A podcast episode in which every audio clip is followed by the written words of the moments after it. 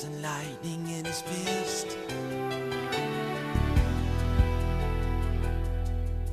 The Lord wasn't joking when he kicked him out of Eden It wasn't for no reason that he God kvöld og velkommen til sendingina av en forvetenslig ferie i Jøgna Bibelen.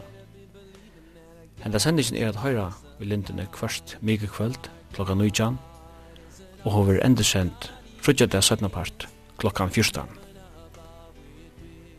Av fyrir okkar jøgnum noen biblina er vi i kvöld komin til åratøyginni. Og vi med studien noen her vi som vanligt Jekvan Zakariasen. Jekvan, velkommen. Ja, takk for det. Og vi knøttan her sider Jekvan Sone Danielsen. Åratøyginni kunne vi oppfatta som praktiskan livsvisdom og i poetisk nye. Nei gott kan jo syast i faun årum. Saman við hinun vísdomskriften og i Bibelni, så er oratøysjene eit uiskøyde til tær sjøvelige og profetiske bøkunar. Vi tær bøgjen legger denta at menneska tørvar bægi godommelig vísdom og vanligt vid og skil under ötnum lufsins vierskiften. Salomon kongur ver alltid settur samband við hesa bøk, og han hever au å skriva til fleste og sauna oppa til fløyre av oratøknum men ærer høvundar er òsne setter i samband vi hesa bøkjena. Endamalju i bøkjena er langt nevnt den fyrste ørnun. I fyrste kapitlet vers 2 lesa vi Av tøymon åretøkken kan ein læra visdom og tykt og skilja vidige tale. Av tøymon kan ein få refsing, vi gjer ein klokan, og læra rattvise, ratt og rattsinne. Tei djeva hinnun aurande klokskap hin ungu kunnskap og skil. Vi at lusta etter taimun eikar hin vysi om lærdomsøyn og hin viti lærer at leva ratt. Åratøyene vidgjera grunnleggjande spurningar som dagliga opptaka människans tankar og sinne. Her kan nevnast Guds oppfætan og heimsbeg. Grunntaunan i bautjene han finner vi langt og i vers 6 i fyrsta kapitlet. At øttast herran er opphav kunnskapar darar vannvira vísdom og tykt. Åratøkjen hava einfaldar og praktiskar velaingar, heldur enn djubar filosofiskar hulaingar om livsins fløkt og gater. Åratøkjen er allofta så einfald at ongun nøydist er færa skøyver av døymen. Spurningen om hva det er rett eller skoift er først og fremst moralsker heldur enn filosofiskur.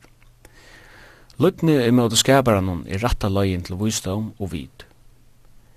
Nudja testamentet tåsar øysni om den einfalda troskapen vi møte Kristus. Så gjerne syndafalli hever manna at den sanna er at det er nekka grunnleggjande skoift og tilverden.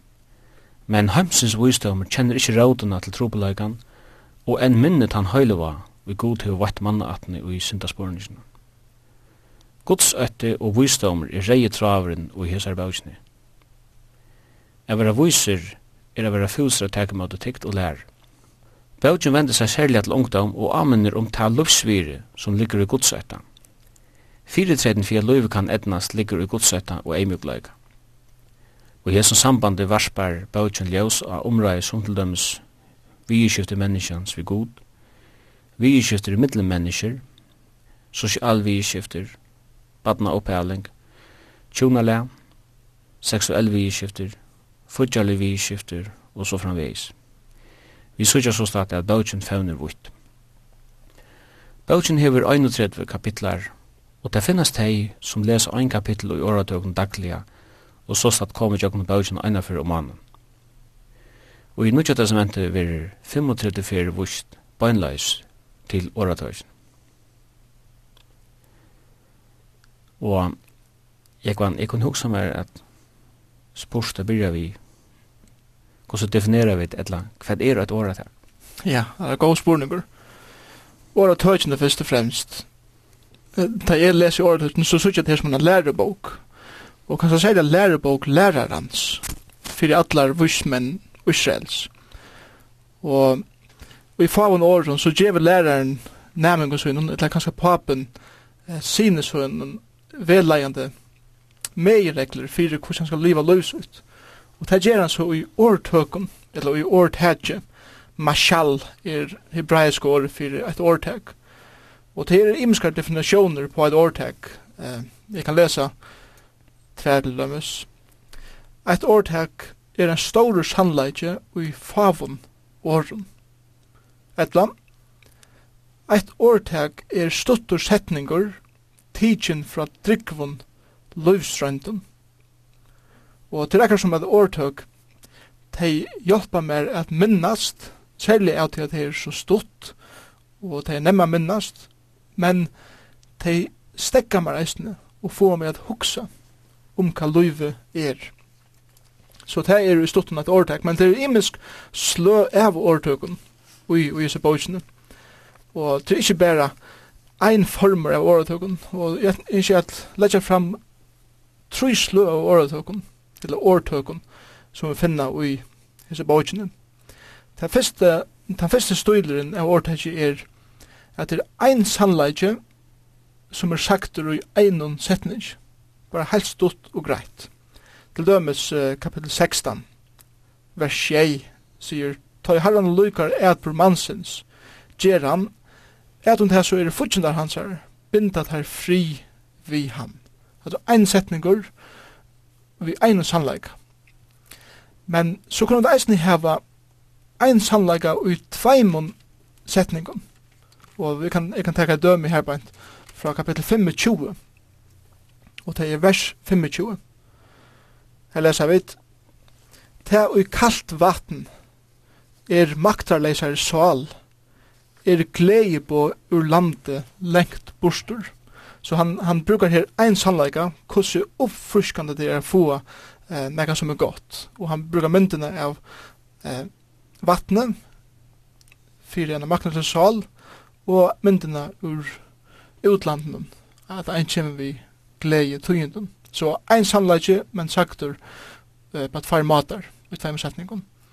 Og så det tre maten at utrykket årtek på er at det er en kontrastur setter opp uh, i måter hver en øren.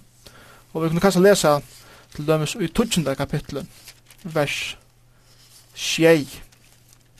Her leser vi så leis. Minne om hin rattvisa vere signa, men navn godleisra rottnar borster, og likle åre, og i kontrasten her er åre menn. Og da setter kontrasten opp at han rattvise han minnast mennesker, men han godleisa, han minnast deg ikkje. Så det er trutje matar årtøk vera borne fram og på. Og som du sier i byrjan, eh, Simon, årtøkken lærer okkur hva at sanner visdommer er grundaver først og fremst av øtta herrans. Og det, det er at det framgångt i luven tja, tja einon som er grunda i godstyrkan, opphavet vursdoms er ötti herrans. At hava trygg oppa god, eller at hava en eksistenstrygg og god, det er no ikkje samme som at öttas god. Det kan være måneder at dømba om tingene. Guds øtte er nega som fyrir langer enn en bare til eksistensielle. Ja, det er helt sikkert. Og det her vysdommen kommer inn neisne. Guds øtte er grunta av, av visdom. Og som du eisen leser byrjane, så er hessen visdomren som er omtalar i årtøysnen, ikkje filosofiskur. Det er, han er ikkje grunta av, av griska huksnarhatt, eller griska filosofi.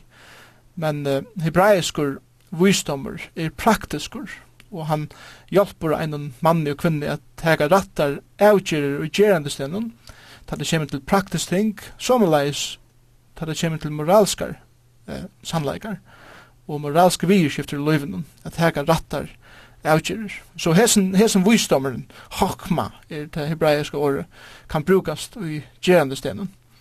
Og, i kapittel 1, fra vers 1 til 6, som er faktisk inngengeren til, til uh, årtøysene, her, her så ikke vet nekvar imiska suger av visdommen.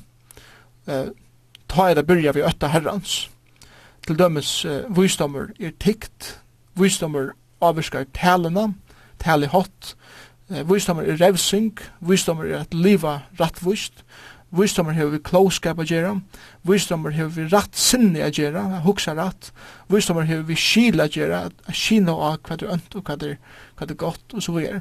Alt det er, er visdommer. Han er grundavar av ötte herrans, og så er spurningen, men hva er så ötte herrans? og til området for fram bare ved at året øtten, det kan og i okkara eh, hoksan her i fyrjun heva nega vi er bensin a gjerra, men det er ikkje den bøybysi tutningren av ötta. Ötta kan heldur vera kanska omsetter respekt, at man hever en goddomlig respekt fyrir hver god er. Men jeg kan ikke ha gods øtta utan at jeg, jeg veit og kjenner hver god er. Så Guds ætti i grundaver av at jeg har en kunnskap om hver god det er. Det er at jeg kjenner karakter Guds, at han er heilavur, han er rattviser, han er kærleitje og så videre. Men eisen er egenleikar Guds. Det er god er allmåttavur, han er atlesannis hen, han er allvitande og så videre. Fyra det kan öttas herran, så må jeg ha tann kunnskapen. Men så er det eisen til at det er ikke bare han, han, kunnskapen, men jeg må eisen handla etter til kunnskapen. Som er at, at avvirka mot gjerandes liv, til dømes at hvis jeg øttes herran, så må jeg eisne lære at heva allit av herran, kvilo i en fullkomlig. Om jeg øttes herran, så må jeg eisne lære at tilbe herran. Om jeg øttes herran, så fyrir jeg eisne suttjast i min liv at det er året hans herra lojen. Det som eisne speklas i at jeg innskje at tæna honom, tog jeg at jeg hever en en goddomlig respekt fyrir eh, gode, menneskeøtte, tar seg ofte om, til det er at jeg regner at taknas menneske. og jeg vil si at tess meira menneskeøtte enn hever, tess mindre godsøtte hever ein, men vi da jeg hava meir godsøtte og minne menneskeøtte, men menneskerespekt, sjålant. Vi kan si at det er måneder mellom godsøtta og det som vi kan kalla godsrassle. Ja. Og på samme måte som foreldre kunne ha virring for sine foreldre, men utan att leva i en här stövar engest. Ja, och det är helt säkert alltså. Och barnen som lever i stövar engest för föräldrar som kör det här förhållet är inte rätt. Nej. Det är Guds ötte som var våra tusen lägger denta. Och jag har också östnat med det här att uh, det ständer om, om vysdom, kunskap og vit. Det ligger nega nega mer ut i en det som vi i dagliga talet kalla informasjon eller vanlig upplysning. Det ser ut som, som vit og visdommer og kunnskaper og rettøkken til informasjon som er omsett til, til en praktisk godsett og til daglige. Nemlig. Jeg vet ikke om uh, det er til at strukturere åretøkene. Vi så ikke hvordan den første og nødvendige kapitlen at det var ta seg øyne nek til siner, eller soner møyne og bøtten møyne, og så framvegis. Uh, kan man grovt oppdøyla åretøkene? Ja, det, det kan man godt, og uh, det har sjående gjørst og imiska mater alt etter hvordan man, hvordan man leser det. Men uh, som du sier, likle året i årtøknen er sonermøyen og til som er feir tåsa vi sonen og han viser om hvordan han skal liva livet rent praktisk. Likle verset er eh, vers i første kapittel som du langt hever lyse at at herrans er opphav visdoms. Um, fra vers 8 i første kapittel, og allan veien til 19. kapittel, eh, er det så hesebaie veier, det er eh, øtti herrans, og så daren, som ikke vil ha noe av visdom å gjøre. Eh, her var hesebaie veien er utgreineir, og i detaljer. Fra 12. kapittel, allan veien til 22. kapittel, eh, her legger Salomon nekkar grunnleggjande meiregler fire, hvordan vi så eier føra til ut i livet og livet rett. Fra 22. kapittel, at han vil til 24. kapittel, er det kallet år vismanna. Og det er kanskje ikke år Salomon sier, men det er vismenn som taler. Og så gjerne fra 25. kapittel til 31. er det så Salomon atter som taler, men så er det tvær ærer som heter, som heter Agur og Lemuel, som eisen å skriva nokre årtøk. Nå, bare for at Ukraina eh, eh, årtøkene, Så vi skal vise av at i fyrsta til nødgjende kapittel, her søkja vi visdom at vi er haksta myndeleika og eisne høvus endamal løvsins. Og i kapittel 1 søkja vi at visdomen hever viring fyrir gode og fyrir foreldrum. Sommerleis han heter synd og ønskap. Og i øren kapittel han lønnet heim som søkja han vi moralskon reinleika. Tre kapittel han lønnet heim som søkja han eh, vi likamliga styrke, fjore kapittel, visdommer styrer livet fra ønskapet. 15 kapittel, han vender seg fra åsunnare seksuellare troa. Satte kapittel, han vetjer hindona og fer han affæra til arbeids, og eisne, han heldur ein fra åsunnare troa etter likamligare åreinsko. Kjende kapittel, han heldur seg fra skøkjene, 8. kapittel, han gledes til gode, som er sjående opphav visdoms. Og 9. kapittel, han vela i henne vise, og han brukar visdoms i vise. Og eisen er samleis i 12. til 20. kapittel, her, som vi sier, Salomon legger negar eh, praktiskar velaengar, som er visdomar og einfaldleidje. Og han sier at visdomar her hever eisen noe særlig etkjenn. Til dømes, visdomar djever sikningar herrans, 11 kapittel, han gjever liv i rattvise, 12 kapittel, han heldur styr av tunkene, og heldur spuk for hessene det.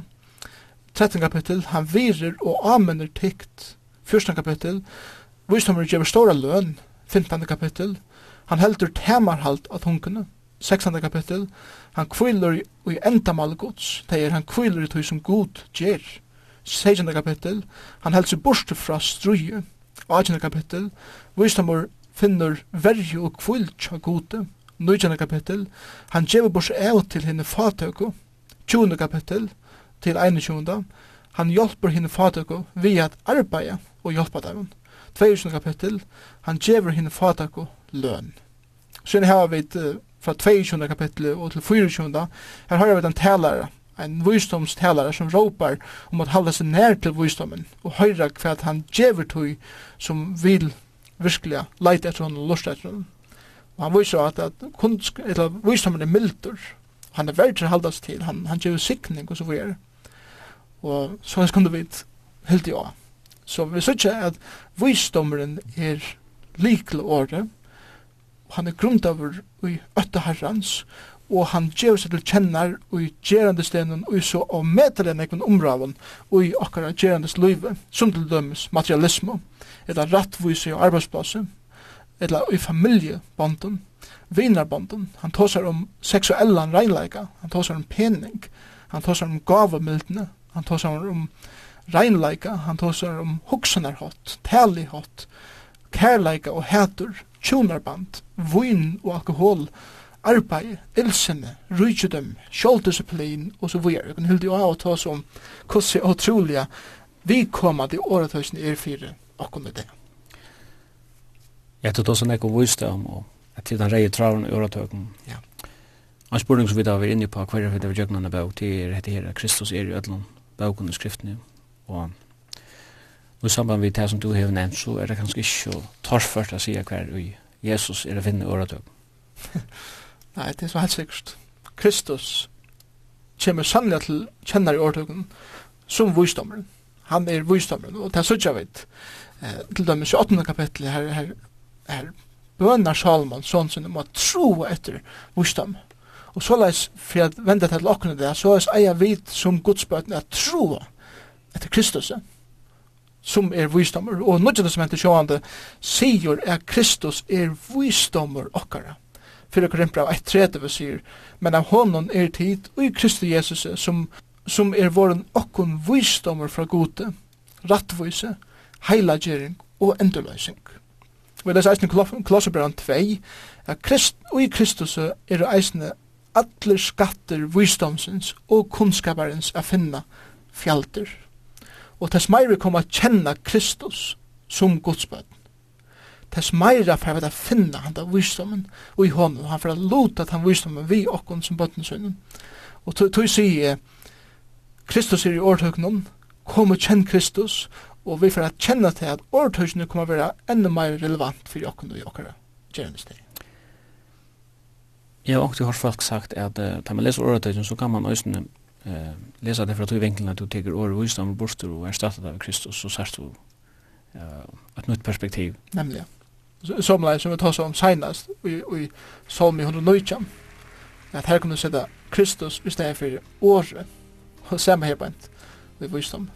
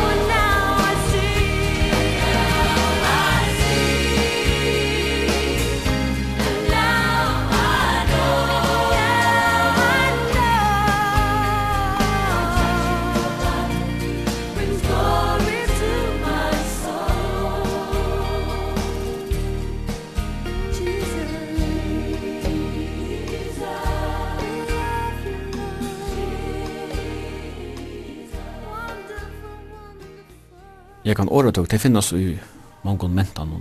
Jeg vet at kineser er kjente for åretøk, og vi vet at her fra jøtar, at det var en, en integreret pastra tåra bøgmentan, og tåra mentan som sunni, jeg, tåra mentan er sunni høyld. Ja. Er det en bestemt måte å tolka åretøksen på? Ja, det er nekka mer regler som alt må fylltja, ta jeg vil lesa imisk slø av litteratur i utskriften. Til dømes vidt vi, vi må skilja til at skrivaren talar bei individuelt, som er mun, men samtidig eisen universalt. At, at årtøk um, ræka økmennesk, og ikkje berre den som skrivaren skriver til. Det er den første meireglan. Andre meireglan er til at nekv årtøk er ikkje beinleis bå, samt ikkje som nekv i båshotte, men det sier heldur okkur vedleiande hvordan vi skulle liva. Det gjør okkur nekra grunnleggjande meiregler fyrir hvordan livet skal livast. Den tria meiregler som er områdande tar vi tolka av årtøk til at her konstren at føra årtøkje fra tøy upprunaliga kulturen og iver til okkar kultur og idé. Ja. Til dømes, hvis vi tar kapitel 16 og vers 33, her leser vi, i barmanen vil loteren rister, men han fettler alltid som herren vil.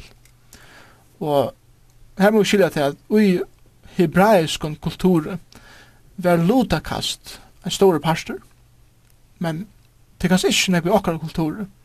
Og det som er her lærer okkon er til at eh, mennesker kunne kasta lot om imist, som eisne var gjørst i jødskar mentan, men det som er sørste året er godt, og kjølt om vi ikke kjenner akkurat hvordan hva vi vil færre, vi får ikke kanskje kasta lot om det, hvis jeg har kona med tås om okkur, nu får jeg kasta lot om hva det skal være, men heller vi det boja vi dette herren, og sier, la dem bi om det, og, og herren fra vise okkur hva vi vil færre, og så er. Så, så meg reklam litt han at, at vi eier å bruka okkar sunn fornuft, samtidig som vi lærer sånn at herren er han som veleier. Så det er en, en grunnleggende reklam. Eit som reisende, det fjorda, som er verst dem, det er mest til, er til at åretøkker er ekvelig svart og kvitt. Det er ikke kjøren nekka groa soner i åretøkken. Og, og man må eisen tolka det her etter. For det femte, må hendan er ekvelig områdant. Og det er til at åretøk er jo ikke lyfte. Åretøk er jo eh, velleiande år som en feir djever eh, sinesynnen. Lad meg gjeva et døme som, som ofta vil tidsje eller tolka skreift. Og det er kapittel 22 og det er vers 6. Her leser vi Lær hin unga leina og han skal genga. Så viker han ikkje fra henne, heldur ikkje, ta han verur gammal. Nå, hatt er ein, hatt er ein grunnleggjande meiregla, at om foreldre læra bøtten sønne opp i åtta herrans og gjøre alt hva de kunne for at læra bøtten sønne opp eh, at elska god så er det ikke et garanti for at så får bøtten alltid være perfekt for alt er kikkar så godt og for ångene kommer noen løve tjadam som gjør til at det ikke kikkar så godt tog at om vi teker det på tannmaten så, så kunne vi si, men, men så motskri sier skriften som sjåvar men det er vi skilja til at hette ein grunnleggen meiregla, om vi læra bøttene, så er en ekla stor møleggje fyrir at de fer at halda seg til det som ratt er, og eisne for at teka rattar avgjør, det er kjem til ims løyvn. Men det er ikke det samme som at bøttene som er vitsi er lærer det ratt opp for at alt er perfekt, og for at alt er rett glansebøylat. det er området jeg får fram. Så hetta er observeringar heldur enn forstreiter, og, og det er ikke nærmere beileis absolutter i åretøknum, utan ta det hever beina så det god å gjøre. Det satte er til at vi må finna med i reglene, og så leite etter til grunnleggjande motiven, eller grunnene fyrir eh, at et årtak vil sagt. La meg gjøre døme om det i 15. kapitlet, vers 9. Her leser vi så leis. Vevor letingans er som tørna stik, men vever hina sannjast av er slatt av. Og hva er meir rekan her? Meir rekan er, er, er simpelt hen. Ver ikkje en letinje, men ver ein mever som er sannjast av ærligur, og ætl som du gjerst. Og, og motivet er til at ikkje vera, ikkje vera letinje som for at skjera ånder, men ver ein sannlig som er som ger vegin stattan bei fyrir sjálvan og eisne fyrir andre, Til motivi at han fyrir det som han sier. Og så det kjenta, det er leggel merkes kvosse henda med reglan gjever velæging til rattan livihot, eller rattan løsførslo.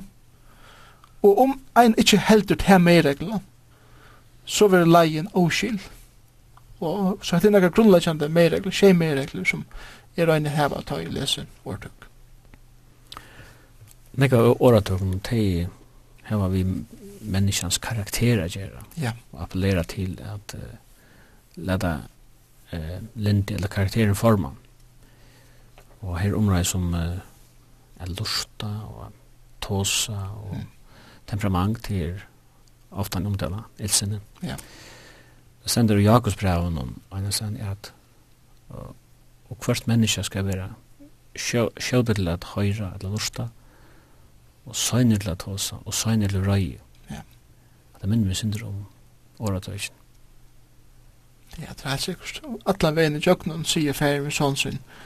Jeg viser seg med over i tider.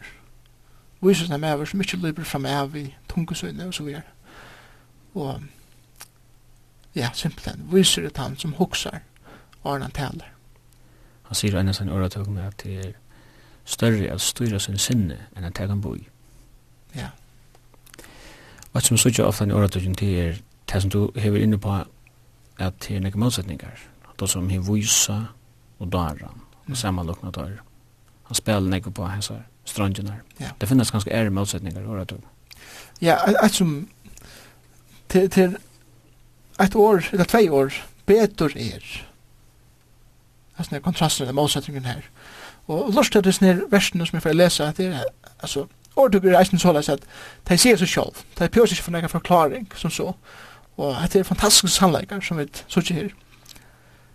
Betur er å være hukter nyra og holde trell, enn å spela storer og ikke eie brei. Betur er lyte vi øtta herrans, enn store skatter vi ofri. Betur er fæt av kale vi kærleika, en fit av okse og hætur at vi. Betur er lyte vi rattvise en store vinningur vi orat. Ja, vinna visdom, hvordan mengan betur er ikkje til en gull, og a vinna vit er meira verst enn silvur. Betur er vera eimjukur saman vi neistadun, enn a, skrift, enn a skifta fong saman vi stoltun. Hinn tålne er betri enn veldig kappe.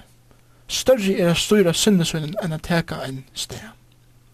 Betur er turrur breibide vi frie, enn hus fullt av hatyrkoste vi tjætje. Friere er a møta bjødden, som ungan er tykne fra enn dara vi dorskap i hans Betur er fatakur vid lydaleisen elbore enn tann er gongur snikøtur, om man så er rykur. Lukkuligare er fadark mævur enn liknar. Betur er byggva i, i hodne av tætjennom enn i huset sem vi klandrutare kvinnu. Betur er byggva i øyelande enn tja klandrutare og ilsindare kvinnu. Gott navn er meira verst enn nekv rujtjødømme. Er vera vel omtøktur er betre enn silver og gull. Åpenlys revsing er betre enn kærleikje vi ver dultur. Granne nær tja er betur enn brovur, lengt bort. Så her sykja vi nokre vers som tala utrolig av visdom for det praktiska livet.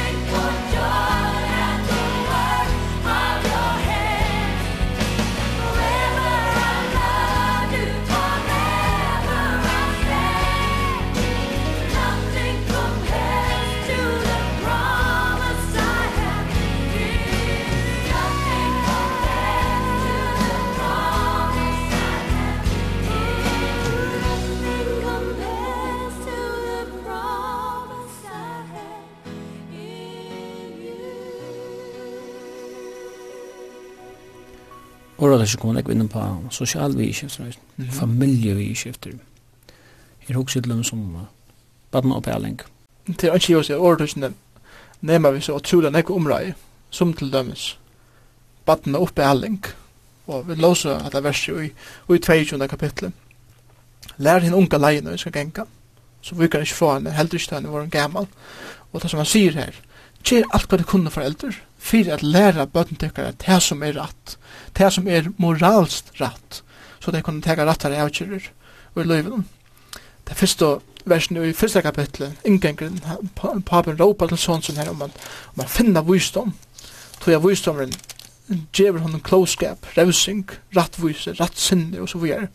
Og han sier eisne, og i åttende ørende, og i første kapitlet, lort etter sånne min, ta i fægir tøyn amen til, og vrek ikkje til, og i mover tøyn lærer til. Og her sjåan, det gongan ut fra at det som fægiren og moveren lærer, er det som er grunda i godsøtta, først og fremst. Så vi kunne lille jo all lunge vi hesten her, men et annet område som jeg hoksa meg eisen nomen vi er tjonalei.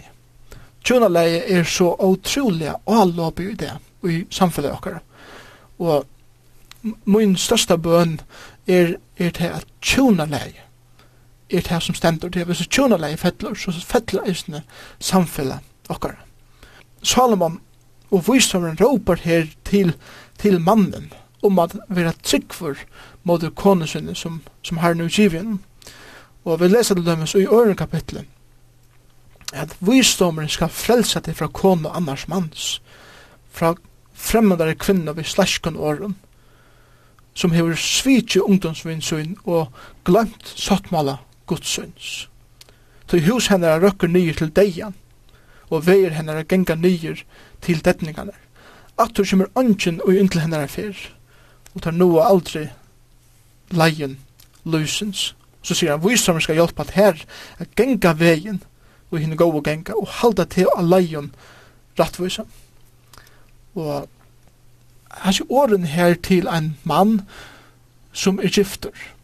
At let ikke komme inn i Luive at du fyrir hitja sin ære kvinne, at åtroskaper kommer inn, tog at han fyrir at føra det til deg, han fyrir at knusa bei familie og, og, og luiv sunder, og måtte, måtte jeg først og fremst sjálfur tidsis i årene til morgen, og måtte vi alle menn og kvinner vi tidsis i år, at vi liva rein og heile tjunale i okkara samfella. Vi alle kjenne kapittel tåsar eisne om hvordan og medelig områdene det er at halda seg til de kvinnerne som har nu giv i einon, at liva sammen vi, og ikkje blanda seg på i oknina tja en øren, og så les rena fra øren. Så at han nemmer vi negv imisk område, og eisne tala årtusen her om at hava viring fyrir kongen og og råharren så vore, at vi eier vira tar myndelagar som god til sett i landet okkara. Og jeg vi jeg bya fyrir dem, og vi eier at fylgja dem etter, og så vore. Og råd tøysen tås eisen om uh, kvaliteten i en tjonarfelag, ja. og som uh, sista kapitlen her stender i vers 20. Donalia kone, hvor finner henne? Menga mer enn perler er hun verd. Jeg husker at anker er sånn, da sier han om en, en ring kona er som råd i bøynene. Ja. Jeg vet ikke om mitt liv tolka, jeg halte ikke, hvis vi leser det her på den måten, hvis jeg, Donald Jan Tjonarfjellet, ja. Hvor finner han? Ja, det at dette man sjående eisne venda til menn.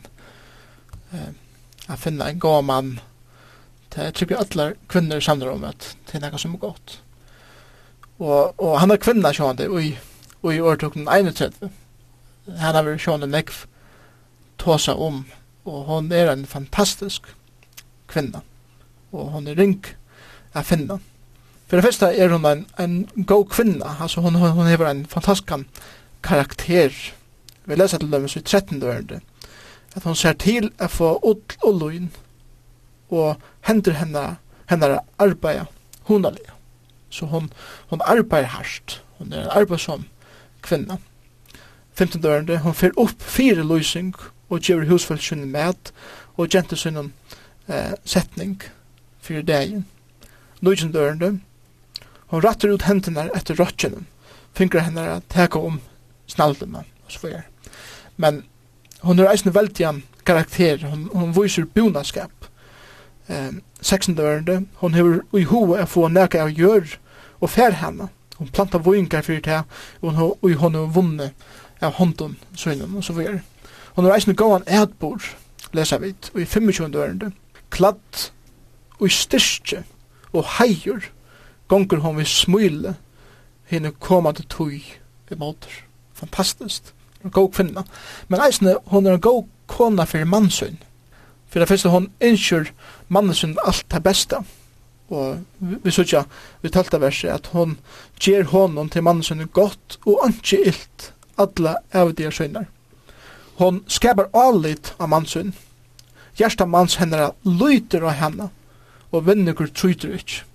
Så, anki er så godt som at vi tjonaleg at hava allit av hver annan, fullkommer allit. Uh, hon hjelp breisen til vi rujtjadøm i hans her. Hon er han som fyrir, fyrir ut a strujast, a vinna. Mever henne er kjentur i boi personen, ta han sier det samme hinna elsu i landen, og, og så vi er. Hon er eisne god mamma fyrir bøttsøyne. Hon klægir alla familjena vidua. Einskjøndørende, hon er ikke redd om huset, og, og sjølt om kæver. Tøy alt huset henne er klatt i skarlak, så hon klægir huset. Hon føyer familjena vel eisne. Tjona vers. Hon rattur hinn neistada håndina, rattur ut armarna mot hinn fatakam og hon kjeipur eisne vidua, hon veit akkurat hva hon kjeipur, så kjeiper det fra 14 til 18 vers, og fyrir det seneste, hon er en god granne at heva, og hon hjelper til fatakka som vi just lysa, eller hava lese, og hon lytter opp til som tørva hennar hjelp, og hon talar eisne vi mildleika, seksjonøren, hon leter opp munnen vi vysdom, og kærleiks avmenning er at hon går henne. Så, fantastisk kvinna, viri hennara, Hon er meir, menga meir verd enn dyrir steinar. Dyrt hennara, bøtten hennara reisast og sikna henne. Storleikje hennara, hon ber fram om allar ærar kvinnor. Men så er det her. hver er løndardommer hennara? Løndardommen er at hon er en kvinna som öttast harran. Hon er en kvinna som öttast harran. Og til det som sender vers 3, Som sier han samståndes i vers 30, er at vennløyg sviker og vergerløyg er fafangt. Ja. Menneskjan hegger jo et tøy som er for egen men god tykker av hjertan Og det prøy som god tykker et, det er godsøyt. Det er vi omtalt noe som det er prøy og i gods egen. Tekstilutnavnet og kosmetikkutnavnet lever jo tjukt oppa menneskjans forfangslig øyn. Ja. Men eh, vennløyge sviker og vegerløyge er farfangt, men gods øyne til verande prøy. Det er det som verre vi, og det er det som kommer at bæra at han har rokknar kommer, og at han har tennene er ferner, og at han har sjånen og hørtenen er ferner, så helder vursdommer nå. Eller som en dags åretak sier, du punter og pryder din arme kropp som patte og armer skal ede opp. Så sier han her at han som øttast herran, hon fær raus. Det må være som raus fra god. Ja. Så endar han ved å si, let henne få avvokst handa hennara og versk hennara skulle pryse henne og i boiporsen. Mm. Videre vi at narskast enda noen hans er sendt ikke Og vi er inne på at det er at vøystømmer og godsøtte til likle årene og i åretøv. Jeg husker om at uh, Esaias omtaler heilig andan vi hese mange titlene, eller mange høydene han hever. Ande ra, ande vits, ande visdom, ande kraftar og så framvis. Så sier han til sørst, vi Esaias 11.2, han kallar han for ande godsøttans. Er dette noe som er relevant i samband med åretøysen? Ja, absolutt.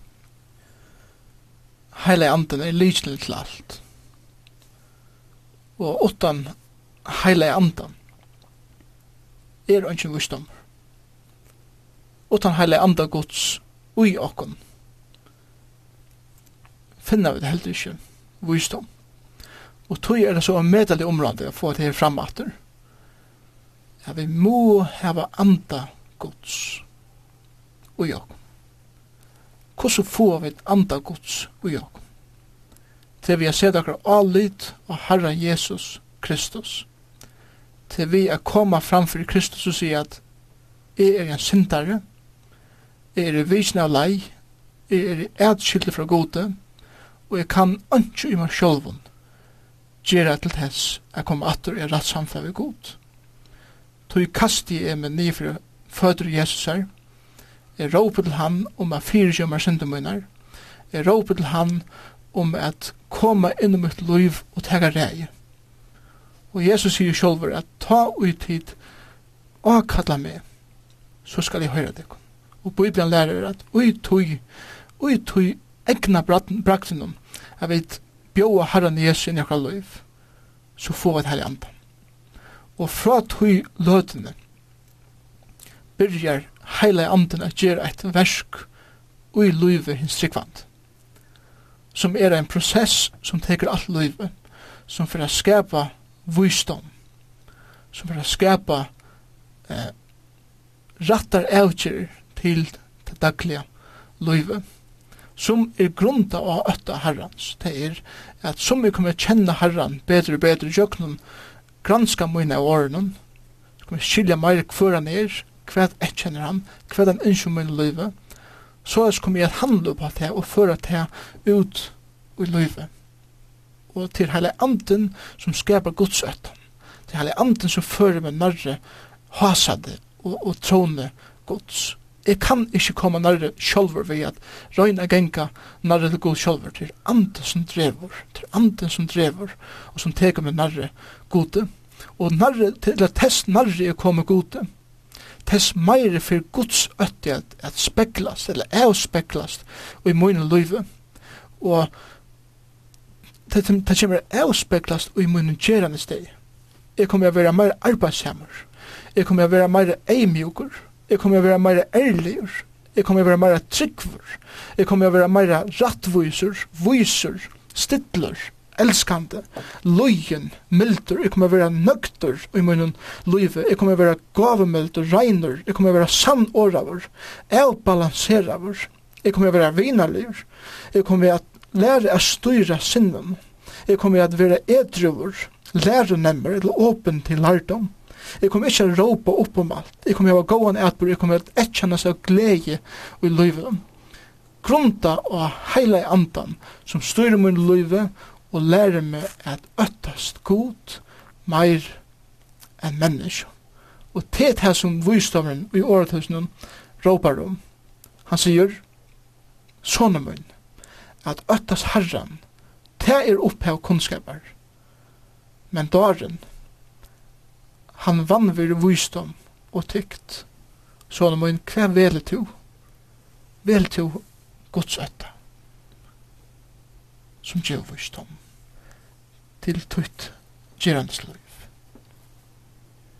Og vi hessen åren så er vi nått fram til endan av sendingene. Og jeg får takka Jekon Zakariasen at han ville komme her i kveld. Og Jekon Sona Danielsen for at han ville passa teknikken til åkken. Jeg skal til søgnet sige fra at hentan sendingen har vært enda sendt mykje kveldet den 13. mai klokkan 19. Og annars vil den øysen enda sendt frugjedag klokkan 14 star in the void of the night. He spoke into the darkness and created the light.